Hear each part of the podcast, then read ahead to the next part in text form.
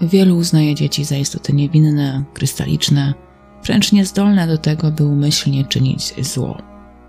Jestem ciekawa, czy te osoby nadal będą tak myśleć po zapoznaniu się z materiałem z najnowszej serii na kanale Zbrodni Zapomnianych.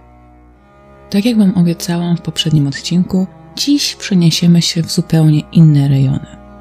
Zdecydowanie bardziej odległe niż nasza stolica. Jednocześnie będzie to początek nowej serii na kanale.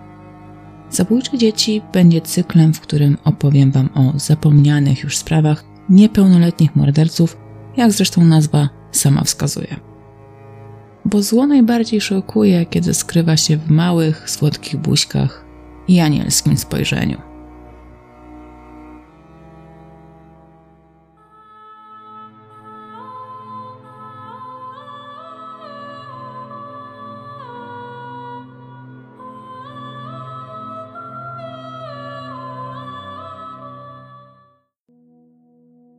Dzienniki amerykańskie podają, że Lilian Thornman miała 12 lub 13 lat.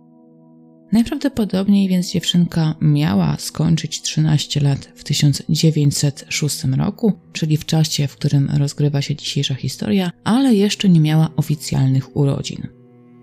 Życie Lili nie było usłane różami. Dwunastolatka pochodziła z czarnoskórej, afroamerykańskiej i w dodatku rozbitej rodziny. Losy jej matki nie są tutaj do końca jasne, żadne źródła nie piszą praktycznie nic o kobiecie, ale możemy przypuszczać, że nawet jeżeli kobieta żyła, to nie przejmowała się losem swojej córki. Na pewno nie uczestniczyła ona w życiu małej Lilian. Całe dzieciństwo Lili jest owiane sporą tajemnicą, a relacja na temat pierwszych lat jej życia pochodzi od samej dziewczynki. Jest to więc relacja jednostronna i, co by tutaj dużo mówić, zapewne nieco subiektywna. Ale ponieważ nie mamy innej alternatywy, zaprezentuję Wam tutaj, jak swoje najmłodsze lata wspominała sama Lili. Według słów dziewczynki, to jej ojciec ponownie się ożenił, ale jego wybranka niestety nie zapałała wielką miłością do Lilian, a wręcz można powiedzieć, że było zupełnie odwrotnie. Jej macocha okazała się kobietą wyjątkowo okrutną. Zmuszała Lili do prac domowych ponad jej siły i potwornie karała za każdy przejaw niesubordynacji ze strony dziewczynki. Oczywiście za cichym przyzwoleniem Tormana, seniora, którego i tak przez większość czasu w domu nie było. Tornman zarabiał bowiem na utrzymanie swojej rodziny, no bo ktoś przecież musiał. Więcej na temat życia Lilian, przynajmniej do momentu ukończenia przez nią dziesiątego roku życia, niestety nie wiadomo. Nie wiemy, czy dziewczyna miała przyrodnie rodzeństwo, czy pobierała jakieś nauki, ani nawet nie wiemy, jakiego była wyznania. A szkoda, bo to by mogła nam rzucić nieco więcej światła na jej postać. To, co wiemy, nie bardzo może wpłynąć nam na charakter dziewczynki, zobrazować nam, jak wpłynęło całe jej życie na kształtowanie się jej charakteru, ale przedstawię Wam to, co udało się ustalić. Tornmanowie mieszkali w Filadelfii w stanie Pensylwania. I dopóki Lili była kilkuletnim berbeciem, to przyjmowała swój los z pokorą, tak naprawdę nawet nie wiedząc, że życie może wyglądać inaczej. Ale jej macocha, nieważne co by dziecko nie robiło, zawsze była niezadowolona. Nastawiała ojca przeciwko córce, aż w końcu Torman faktycznie tutaj uwierzył, że jego córka sprawia tak poważne problemy wychowawcze. Albo po prostu chciał wierzyć, bo też można tutaj przypuszczać, że y, mała Lili była dla niego tylko problemem i obciążeniem. Albo też było mu wszystko jedno, tutaj możemy sobie spokojnie wybrać. W każdym razie nigdy nie okazał Lili żadnego wsparcia, a dziewczynka nawet nie wiedziała, co to jest miłość ze strony swoich opiekunów. Ostatecznie Lilian była zmuszona opuścić swój dom rodzinny. Jak sama stwierdziła, została z niego wyrzucona przez ojca i macochę, ale też niewykluczone, że co prawda ojciec pozbył się problematycznego potomka, ale załatwił jej dach nad głową. Dziewczynka trafiła bowiem pod opiekę swoich krewnych, państwa Dorsey. Pozwólcie, że dla uproszczenia po prostu spolszczę to nazwisko i będę nazywała tę rodzinę państwem Dorsey. Dlaczego? Ano dlatego, że po prostu będzie łatwiej odmieniać takie nazwisko przez nasze różne przypadki. Dorseyowie mieszkali w tym samym stanie, w stanie Pensylwania, ale w mieście nieco oddalonym od Filadelfii, ponieważ było to miasto York. Dorseyowie mieli taki mały domek przy Snyder Alley 1 i nawet chciałam Wam pokazać, jak wyglądają te tereny obecnie, albo jak wyglądały te 100 lat temu, ale jak się okazało, jest to naprawdę bardzo mała uliczka. Na tyle mała, że nawet wirtualnie nie można je podwiedzać, więc nie byłam w stanie ani odnaleźć żadnych dokumentów ze zdjęciami z dawnych lat, ani nawet zdjęć obrazujących, jak ta ulica wygląda obecnie. Jakie dokładnie stosunki pokrewieństwa łączyły Lilian z Dorseyami, to po raz kolejny trudno tutaj dokładnie oszacować. Źródła donoszą, że Hester Dorsey była kuzynką małej Lily, ale nawet jeżeli rzeczywiście tak było, to Hester musiała być sporo od niej starsza, bowiem zdążyła już założyć swoją własną rodzinę. Przed wieloma laty poślubiła Roberta Dorseya, któremu urodziła trójkę dzieci. Każde z dzieci było płci żeńskiej, więc były to trzy córeczki.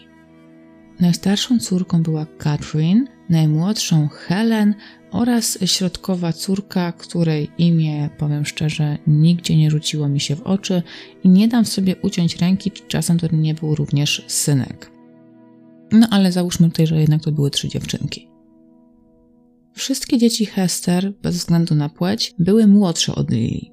Katrin o 4 lata, a Helen prawie o 10. Najmniej tutaj wiadomo właśnie o tym środkowym potomku państwa Dorsey, ale z jednego z artykułów możemy się dowiedzieć, że dziewczynka lub też chłopiec był y, o dwa lata młodszy od swojej starszej siostry Katrin. Czy Dorseyowie przyjęli małą Lili z dobroci serca, czy też nie chcieli, żeby dziewczynka wylądowała na bruku, to jest kwestia nie do końca wyjaśniona.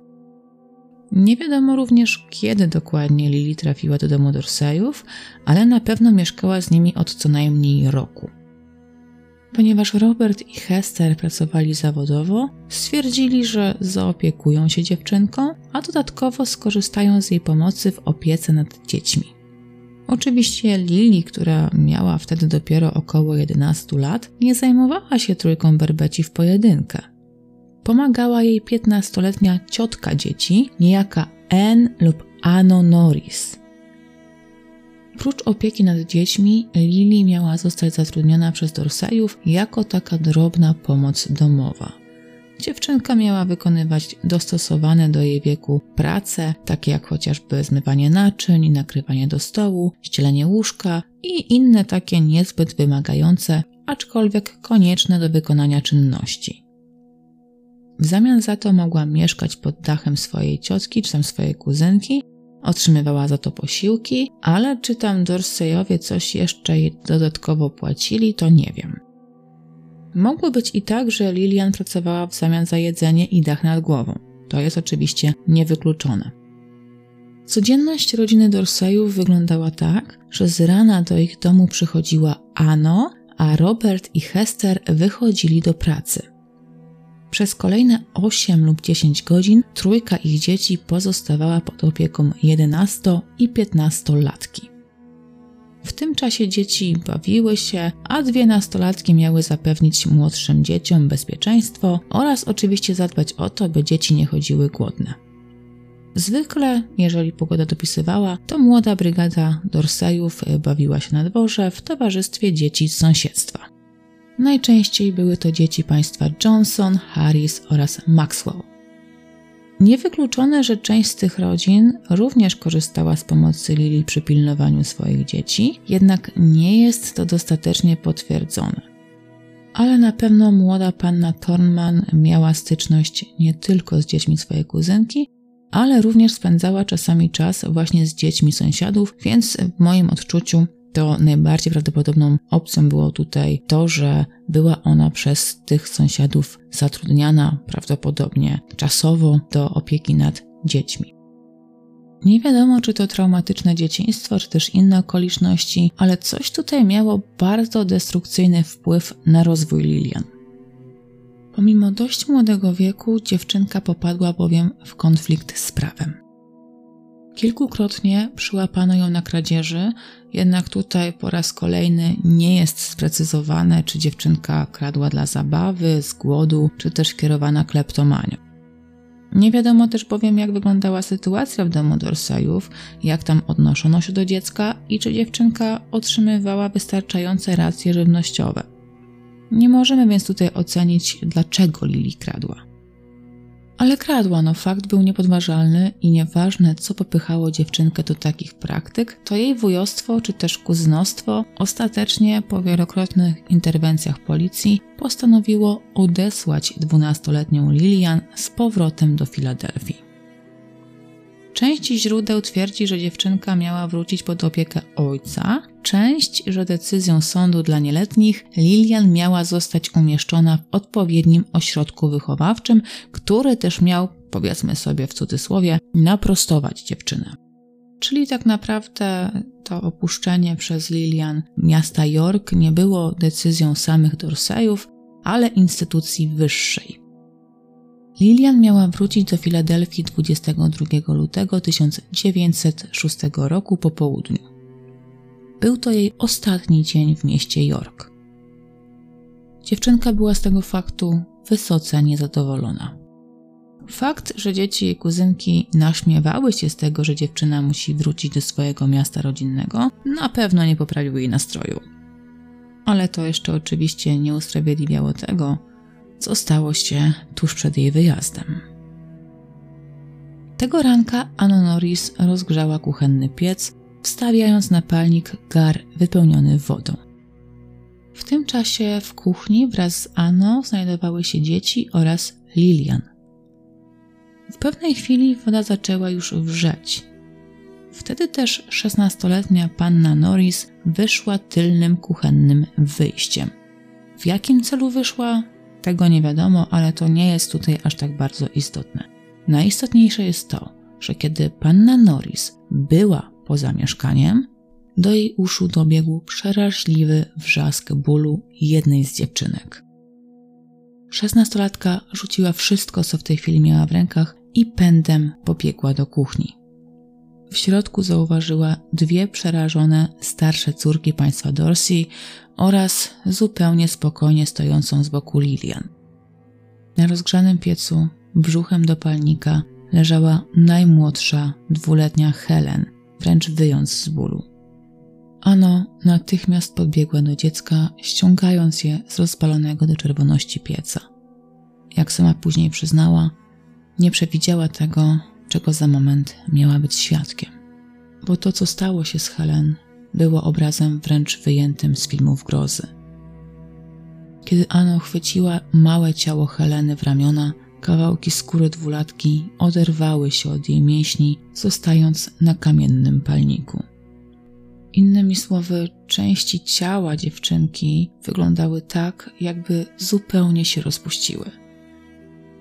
W tym momencie osobom wyjątkowo wrażliwym polecam przesunąć materiał o jakieś dwie minuty do przodu, bowiem przejdę teraz do opisu obrażeń małej Heleny, a były one naprawdę szokujące. Dziewczynka była okropnie poparzona. Skóra odpadała od jej ciała niemal płatami. W miejscach, które zostały poparzone w mniejszym stopniu, niemal momentalnie utworzyły się wielkie pęcherze. Obrażenia rozciągały się aż od ust dziewczynki przez cały tułów oraz ręce. Poparzenia kończyły się dopiero na biodrach dziecka. W najgorszym stanie była skóra szyi, klatki piersiowej oraz podbródka. To właśnie twarz dziewczynki oraz jej szyja jako pierwsze miały kontakt z rozgrzaną powierzchnią. Na szczęście dwulatka instynktownie zakryła dłońmi twarz, dlatego też uchroniła przed poparzeniem okolice oczu oraz nos. Według relacji jej rodzeństwa, cała czwórka wraz z Lilian miała właśnie opuszczać kuchnię i udać się do pokoju. Niewiele starsza od nich opiekunka wpadła wtedy w szał, ponieważ denerwowała ją piosenka, którą w kółko śpiewała mała Helen. W pewnym momencie zirytowana dwunastolatka chwyciła dziecko, którym chciała rzucić o rozgrzany piec. Pierwsza próba była jednak nieudana, ponieważ jak później przyznała sama Lili, dziecko okazało się dla niej za ciężkie. Dlatego postawiła dwulatkę na stojącym przy kuchence krześle i z ogromną siłą przechyliła mebel w kierunku rozpalonego do czerwoności pieca. Kiedy bezwładne ciało Helenki upadało na rozgrany panel, nie było już ratunku. U dziewczynki włączył się instynkt przetrwania, dlatego, tak jak wam powiedziałam chwilę wcześniej, udało jej się w ostatnich swoich krokach przed bezpośrednim kontaktem z rozżarzoną płytą kuchenną zakryć swoją twarz. Ale jej rączki były zbyt małe, by zakryć również brodę. I to właśnie ta część ciała jako pierwsza dotknęła palnika. Upadając, dziewczynka potrąciła stojący na kuchence gar z wodą, wskutek czego wrzątek wylał się zarówno na płytę pieca, jak i na samą Helen. Dwulatka została więc poparzona nie tylko po wewnętrznej stronie ciała, ale również jej plecy i głowa ucierpiały w wyniku kontaktu z wrzącą wodą. Ano, widząc ogrom tragedii, jaka właśnie się wydarzyła, poprosiła ośmioletnią Katrin, żeby pobiegła do sąsiadów i wezwała pomoc. Dorseyowie nie posiadali aparatu telefonicznego, jaki z kolei znajdował się w domu państwa Maxwell, jednych z najbliższych sąsiadów. Daisy Maxwell, usłyszawszy o wypadku, jaki wydarzył się w kuchni Dorseyów, natychmiast wykręciła numer lokalnego lekarza, doktora Austina Grove. Znalazła również numer do zakładu pracy, w którym zatrudniony był Robert, ojciec dziewczynek. Roztropnie zawiadomiła mężczyznę o sytuacji, po czym wraz z Catherine udała się na miejsce zdarzenia. Jest to na tyle istotna informacja, że później Daisy Maxwell była jednym z naocznych świadków obrażeń małej Helen. Jeszcze przed tym, zanim dziewczynka została opatrzona przez medyka, a jej rany zabandażowane.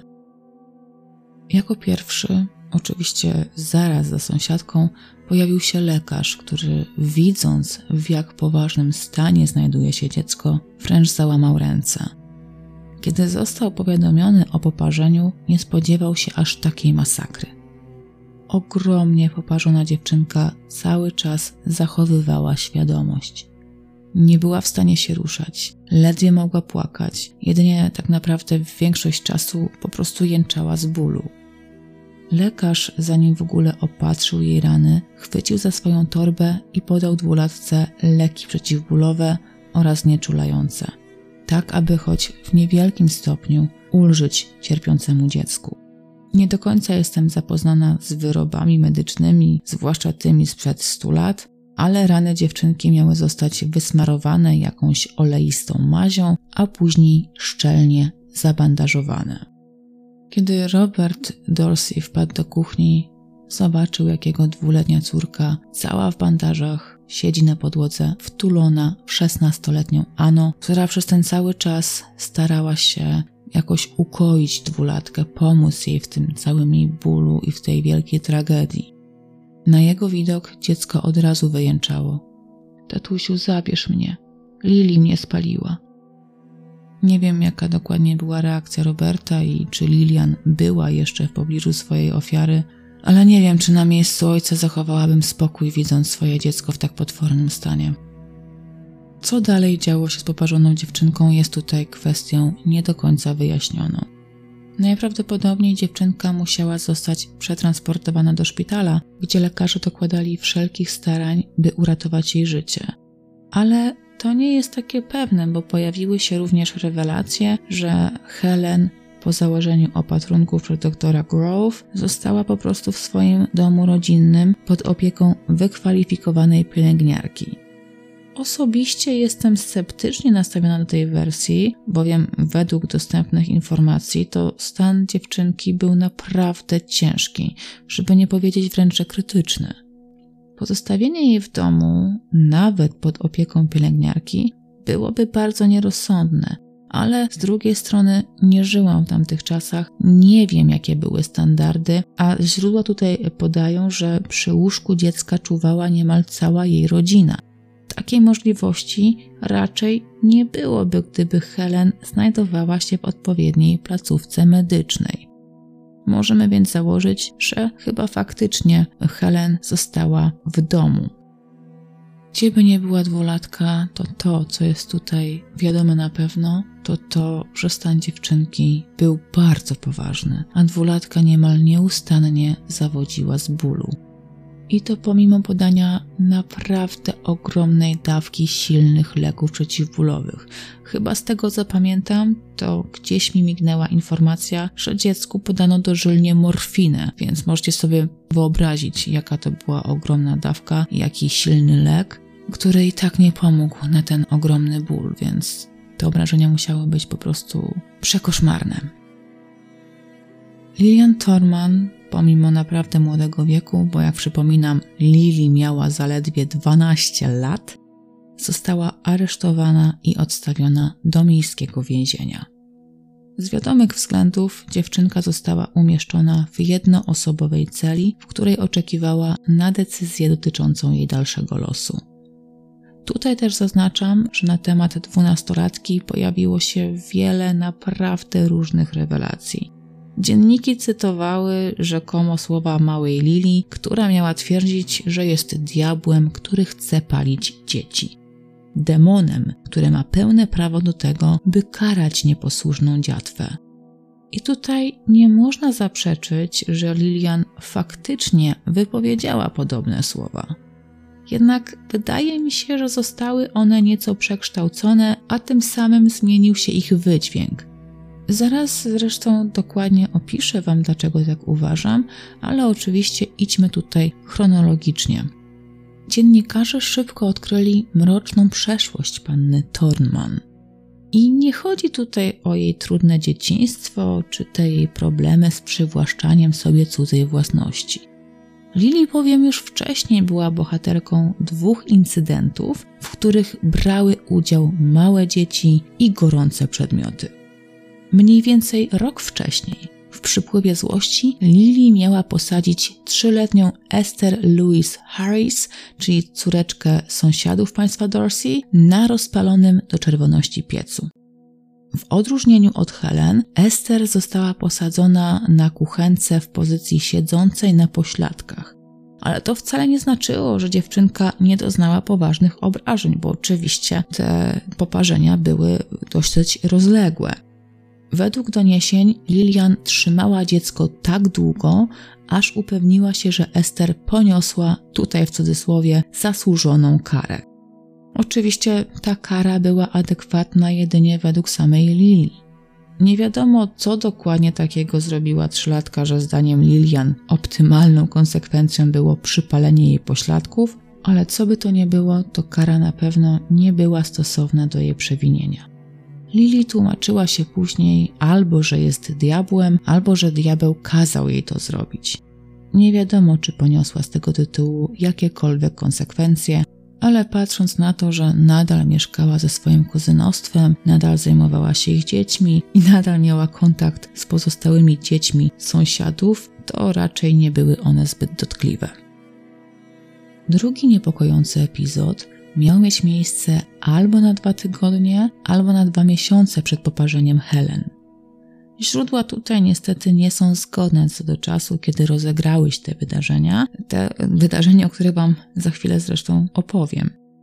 Jak możecie się domyślać, i tutaj Lili miała boleśnie zranić inne dziecko. I analogicznie jak w poprzednim przypadku, tutaj również miało to związek z gorącym przedmiotem.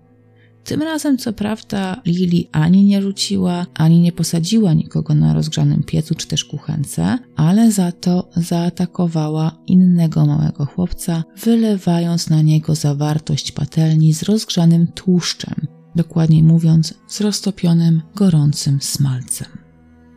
Nie wiadomo w jakim wieku był Leon Johnson, bo właśnie tak nazywała się ofiara Lilian, Natomiast dziennikarze zgodnie tutaj twierdzili, że był to mały chłopiec i również był to syn sąsiadów państwa Dorsey.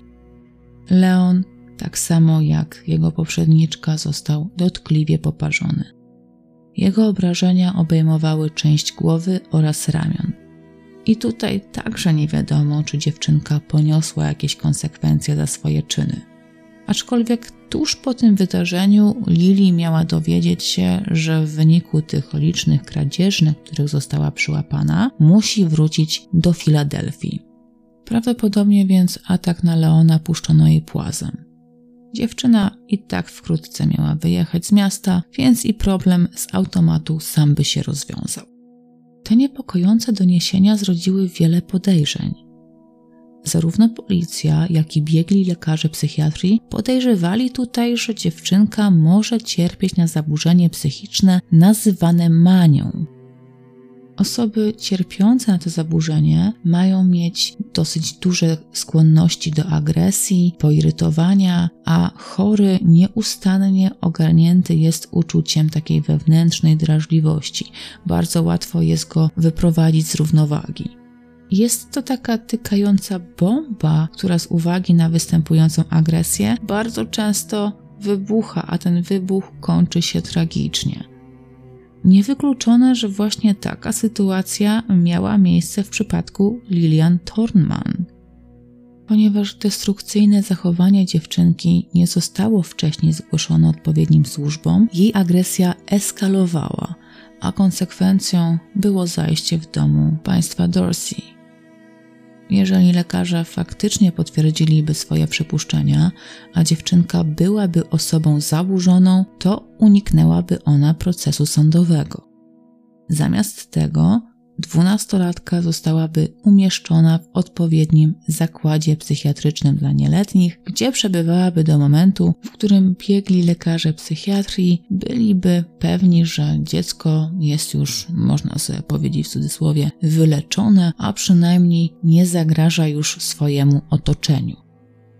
Oczywiście to, co stanie się z Lilian, było zależne od tego, co stanie się z Helen Dorsey.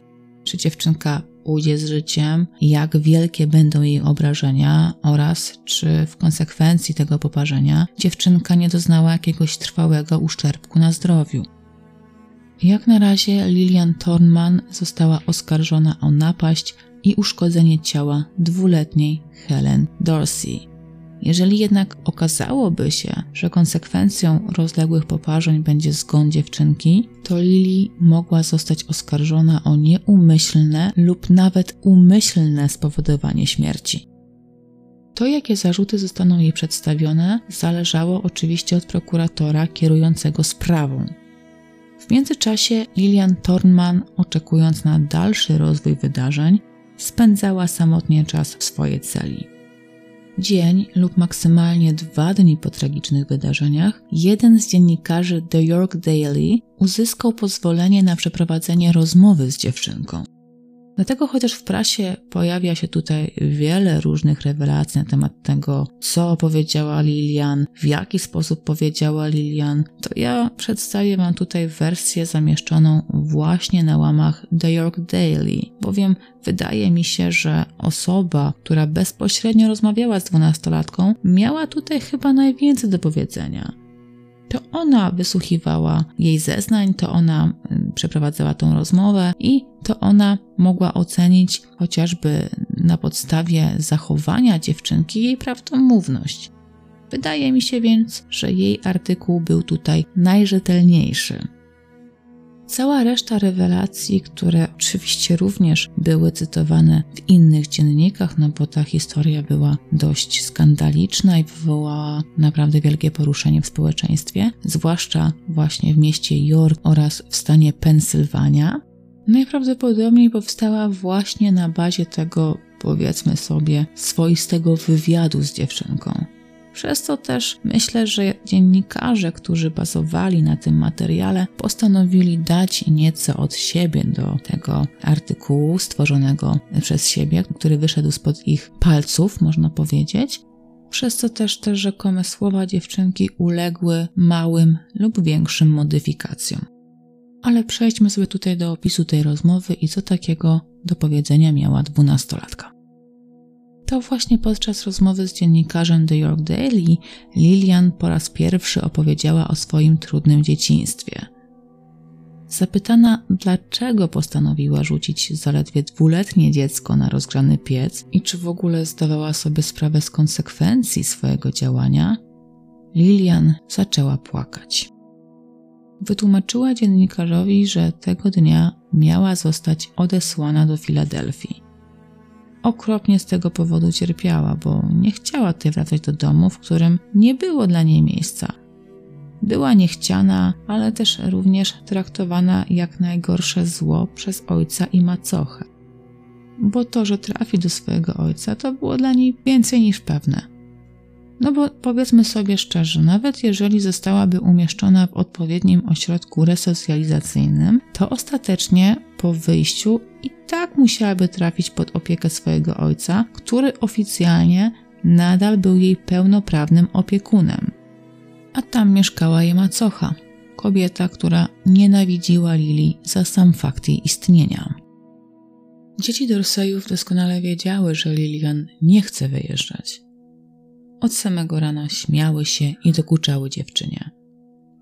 Drwiły z Lilian i naśmiewały się z tego, że wraca tam, skąd przyszła. Ich szydery doprowadziły Lili do stanu ogromnego wzburzenia.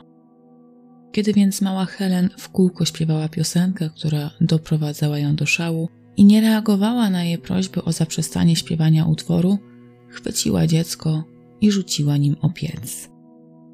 Jak sama twierdziła, w tamtym momencie jej temperament po prostu wziął nad nią górę i nawet gdyby chciała, to nie potrafiła się zatrzymać. Dziennikarz raz jeszcze zapytał dwunastolatka o to, czy zdawała sobie sprawę z tego, jak poważnie poparzona może zostać mała Helen. Na co Lili bez mrugnięcia okiem odpowiedziała: O tak, ale diabeł miał wtedy nade mną przewagę i nakazał mi to zrobić. Lilian wytłumaczyła, że za każdym razem, kiedy jakieś dziecko wyprowadzało ją z równowagi, nie mogła się pozbyć natrętnych myśli, które kazały jej spalić irytującego malucha żywcem. Twierdziła, że nie wie, dlaczego tak się działo, ale myśli były tak intensywne i tak dominujące, że nie mogła się ich pozbyć. Dlatego czasem się im poddawała i w konsekwencji rzucała dzieci w sam środek rozpalonego pieca, lub oblewała je wrzącą cieczą. Po rozmowie i można tutaj powiedzieć takiej swoistej spowiedzi, Lilian przez parę minut rzewnie płakała. Na sam koniec zapytała: Czy Helen umrze? Czy będę sądzona za morderstwo, jeżeli ona umrze? Kiedy dziennikarz odpowiedział, że prawdopodobnie tak może się stać, Lili odparła: Cóż, Chyba mnie powieszą, jeżeli Helena umrze. Ale nic nie mogłam poradzić. Diabeł we mnie kazał mi to zrobić. I istotnie Lilian miała się o co martwić, bowiem Helen Dorsey odeszła 24 lutego nad ranem. Zdaniem lekarza przyczyną zgonu były rozległe oparzenia ciała, z którymi młody organizm nie mógł sobie poradzić. Obrażenia zajęły ponad połowę ciała dziewczynki. Dwuletnia Helen zmarła w naprawdę okrutnych okolicznościach. Pomimo podania ogromnej dawki leków przeciwbólowych, medykamenty nie były w stanie całkowicie uśmierzyć jej bólu. Świadkowie siedzący przy łóżku poparzonej dziewczynki twierdzili, że w pokoju, w którym leżała Helen, ani przez moment nie można było doświadczyć ciszy. Dwulatka przez cały czas jęczała z bólu i ani lekarz, ani pielęgniarka, ani tym bardziej rodzina nie mogli w żaden sposób jej pomóc. Jedynie bezradnie patrzyli, jak mała Helen odchodzi w agonii. Helen Dorsey 9 czerwca skończyłaby trzy lata. Została pochowana na cmentarzu Lebanon w mieście York w stanie Pensylwania, czyli w swoim mieście rodzinnym. Chociaż był to początek 1906 roku, była to już druga tragedia w rodzinie państwa Dorsey. Miesiąc wcześniej, 13 stycznia, w wieku 10 miesięcy zmarł ich syn, Robert Maxwell Jr.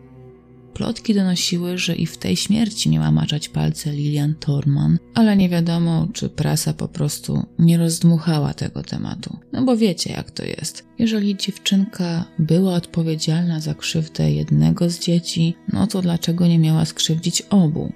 Zwłaszcza, że śmierć obu dzieci nastąpiła w tak krótkim odstępie czasu. Jeżeli chcecie tutaj znać moje zdanie, to wydaje mi się, że te plotki nie do końca są wiarygodne, bo po pierwsze, gdyby Lily faktycznie przyczyniła się do zgonu jednego z dzieci państwa Dorsey, to jakoś trudno mi uwierzyć w to, że para nadal trzymałaby dziewczynkę pod swoim dachem. Po drugie, Lilian faktycznie miała zapędy sadystyczne, jednak za każdym razem, kiedy wyrządzała dzieciom krzywdę, miało to związek z ogniem lub gorącymi przedmiotami czy też dzieciami. A mały Robert Jr. nie zmarł wcale na żadne rozległe poparzenia, nie zmarł nawet na uszkodzenie ciała, a według tego, co znalazłam na stronie Find a Grave, to informacje zawarte y, dosyć jasno informują, że chłopiec po prostu zmarł na powszechną w tamtych czasach gruźlicę płuc. Myślę więc, że możemy tutaj wykluczyć, że mały Robert był czwartą ofiarą Lilian, a w zasadzie trzecią ofiarą przed swoją siostrą. Ale to, że Lili nie przełożyła ręki do śmierci Roberta, to jeszcze nie znaczyło, że nie odpowie za śmierć jego siostry. Zwłaszcza, że po wypadku na Snyder Alley Sprawa Lilian stała się głośna w całej Pensylwanii, a na wierzch wypłynęły poprzednie dwa incydenty, które nie wiedzieć czemu wcześniej jakoś nie zaniepokoiły wystarczająco opiekunów dziewczynki. Lilian Thornman była więc odpowiedzialna za śmierć małej Helen oraz dwa uszkodzenia ciała dzieci, które wywołały u małoletnich stały lub czasowy uszczerbek na zdrowiu. Co prawda, to te dwa wcześniejsze uszkodzenia ciała Lilian nie mogła zostać oskarżona, albo mogła, ale po prostu nikt się za to nie zabrał, ale już rzucenie na rozgrzany piec dwuletniej dziewczynki, która na skutek obrażeń zmarła, no to było wydarzenie, którego nie można było puścić płazem i Lilian musiała za nie odpowiedzieć.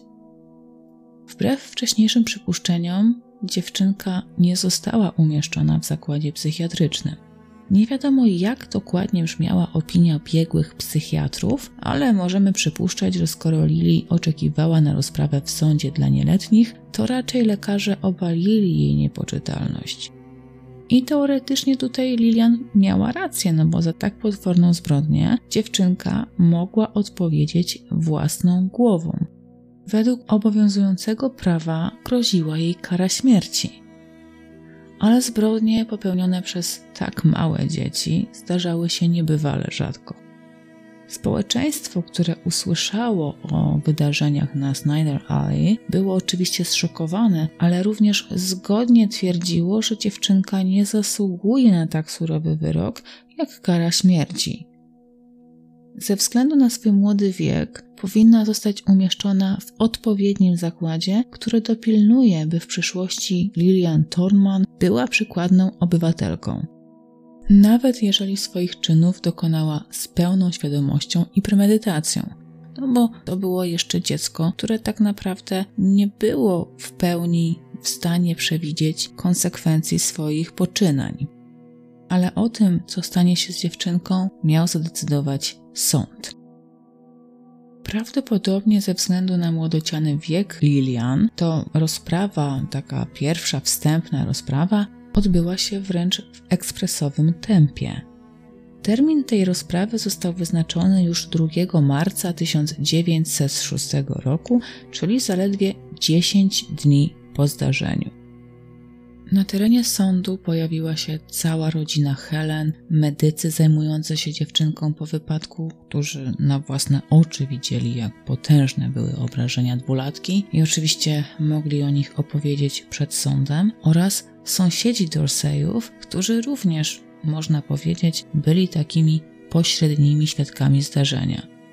Pozwólcie, że nie będę tutaj przytaczała opinii medycznej, bowiem obrażenia małej Helen opisywałam Wam dokładnie już wcześniej. Najbardziej wstrząsające były tutaj dla mnie zeznania ośmioletniej siostry Helen, Catherine, która była naocznym świadkiem całego zdarzenia. Dziewczynka, która przed tygodniem straciła siostrę, ze szczegółami opisywała ten tragiczny poranek. Ośmiolatka potwierdziła, że tego dnia wraz ze swoimi siostrami dokuczała Lili. Powodem ich docinków był wspomniany wcześniej fakt, iż Lilian zmuszona była wrócić do swojego domu w Filadelfii. Nie wiedzieć dlaczego, Lilian najbardziej denerwowała postać dwuletniej Heleny. I tutaj raczej nie chodziło o to, że dziewczynka również dogryzała pannie Thornman, bowiem osobiście ciężko mi wierzyć, że dwuletnie dziecko, które ledwie co nauczyło się mówić, byłoby uszczypliwe w stosunku do dwunastolatki, ale może po prostu mam tutaj zbyt wielką wiarę w dzieci. Natomiast moim zdaniem Helen, która chyba nie za bardzo była świadoma tego, co się dzieje i jak wpływa jej śpiew na e, starszą od niej dziewczynę, po prostu cieszyła się, jak to każde małe dziecko, śpiewała sobie piosenkę, którą lubiła i pewnie nawet nie wiedziała, że kogoś ta piosenka może irytować. Dlaczego Lili tak bardzo denerwował śpiew dziecka? Prawdopodobnie dlatego, że jak stwierdziła Catherine, była to piosenka religijna, śpiewana zazwyczaj na pogrzebach. I tutaj nie wiadomo, czy ten utwór miał dla Lili jakiś zły wydźwięk, czy też kojarzył jej się z jakimś traumatycznym wydarzeniem, ale piosenka bardzo ją irytowała. Ponieważ mała Helen nie miała zamiaru przestać śpiewać, Lili w końcu zdenerwowana, doprowadzona do granic wytrzymałości, złapała dziecko i rzuciła je na rozgrzany piec. A później, według zeznań Catherine, która widziała całe zajście, niestety, stała sobie z boku, przysłuchując się desperackim krzykom cierpiącego dziecka. Nie ruszyła się ani o krok, żeby pomóc jęczącej dwulatce.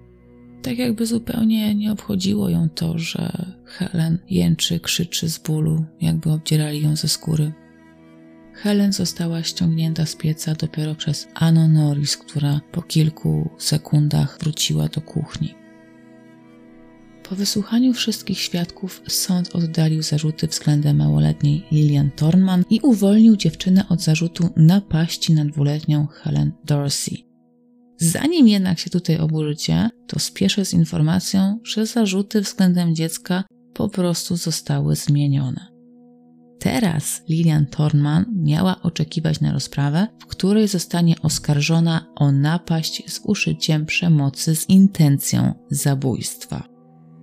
23 kwietnia 1906 roku Lilian Thornman przyznała się do zabójstwa 30-miesięcznej Helen Dorsey. Co dla mnie jest dziwne i trochę niewyjaśnione, to pomimo tego, że ta cała sprawa była taką wielką sensacją, to prasa nie relacjonowała obszernie jej przebiegu. Więc też niestety nie mam tutaj za bardzo możliwości, żeby poinformować Was o tym, jak potoczyły się dalsze losy dziewczyny. Najprawdopodobniej pomiędzy obroną Lili a prokuratorem doszło do zawarcia tzw. Tak ugody, ponieważ już 30 kwietnia Lilian Thornman została skazana na umieszczenie w domu poprawczym. Nie udało mi się tutaj odnaleźć informacji na temat tego, kiedy i do jakiego ośrodka została wysłana dwunastoletnia morderczyni. Natomiast Dorseyowie po tym tragicznym i traumatycznym wydarzeniu żyli dalej i doczekali się nawet jeszcze czterech innych potomków. Po śmierci Helen i Roberta Juniora na świat przyszedł Otto, Gilbert, Henrietta oraz Samuel. Dorseyowie też wyprowadzili się z Yorku w 1914 roku. Rodzina przeniosła się do Brandywine Summit, gdzie Robert zmarł w 1923 roku ale pomimo tego, że rodzina przeniosła się w zupełnie inne miejsce, to po śmierci ciało Roberta wróciło do Jorku. Czy była to jego ostatnia wola, czy też taka była decyzja jego najbliższej rodziny, to niestety tutaj nie wiadomo. Natomiast on, jako jedyny z całej rodziny, spoczął na tym samym cmentarzu, na którym wcześniej pochowano dwójkę jego dzieci. Można więc powiedzieć, że Robert spoczął przy swojej dwójce tragicznie zmarłych dzieci. Catherine Dorsey, a w zasadzie później już Catherine Davis, prawdopodobnie też ułożyła sobie życie, a są też szanse na to, że dożyła późnej starości. Jedyna Catherine Davis, którą udało mi się odnaleźć, a która jednocześnie pasowała wiekiem do małej Catherine Dorsey, zmarła w roku 1992 w wieku 93 lat. Została pochowana wraz z mężem, który opuścił ją 20 lat wcześniej, ale para nigdy nie doczekała się wspólnego potomstwa. Oczywiście nie dam sobie ręki uciąć, że to akurat była siostra małej Helen, ale istnieje taka szansa. Historia Lilian Thorman jest autentycznie zapomniana. I nie mówię tutaj jedynie o krajach europejskich, ale również o samych Stanach Zjednoczonych. Przeczesując internet, to gdzieś tam w odmętach na stronie stanu Pensylwania od biedy można znaleźć jakieś wzmianki na temat jej życia, ale są one nierzetelne, podkoloryzowane i po prostu obrosły już w wiele mitów i plotek. Postać Lilian Thornman stała się taką miejską legendą, według której dziewczynka miała być opętana szaleństwem i z pełną premedytacją zabiła troje lub czworo dzieci. Chociaż jak już wiecie, tak jak Wam przedstawiłam w tym materiale, historia faktycznie była makabryczna i szokująca, ale nie aż tak, jak próbuje się ją przedstawiać obecnie. Sprawa Lilian Thorman może i nie należy do tych obszernych, doskonale znanych i przekazywanych z pokolenia na pokolenie. Na pewno jest jednak na tyle szczególna i na tyle bulwersująca, że zasłużyła na przypomnienie, zwłaszcza, że przecież taka jest właśnie idea tego kanału. I tak jak wspomniałam Wam we wstępie, to takich historii na kanale możecie spodziewać się jeszcze co najmniej kilkunastu bo wbrew pozorom naprawdę jest wiele takich zapomnianych historii. I mam nadzieję, że będziecie mogli sobie o nich przypomnieć, a pamięć o ofiarach nadal będzie żywa. I to, że seria jest nowa, nie oznacza, że wcześniej na kanale nie pojawiały się już historie w podobnym klimacie. Dlatego, jeżeli chcecie się z nimi zapoznać lub też po prostu je sobie przypomnieć, to na stronie głównej podcastu stworzyłam dla Was playlistę zabójczych dzieci. Tam też znajdziecie wszystkie historie, w których opowiadałam Wam o młodocianych sprawcach zbrodni i oczywiście ta playlista będzie systematycznie aktualizowana, o ile seria przypadnie Wam do gustu. A ja w tym miejscu bardzo dziękuję Wam za wysłuchanie dzisiejszej historii. Jeżeli była ona dla Was ciekawa, nieznana i wysłuchaliście mnie z chęcią, to zostawcie po sobie łapkę w górę, zasubskrybujcie mój kanał, jeżeli jeszcze tego nie robicie, lub też wyraźcie swoją opinię na temat podcastu w komentarzu. A ja bardzo Wam dziękuję, że po raz kolejny mogliśmy wspólnie spędzić ten czas, godzinę, no, nie całą godzinę, i mam nadzieję, że usłyszymy się niebawem. A ponieważ idzie grudzień, który jest miesiącem wielu niespodzianek i prezentów, to i ja postaram się, aby grudzień był dla Was bardziej obfity w moje podcasty, również te z takich serii pobocznych i materiałów dodatkowych. No bo więcej Wam niestety dać chyba nie mogę. Trzymajcie się ciepło i mam nadzieję, że usłyszymy się niebawem.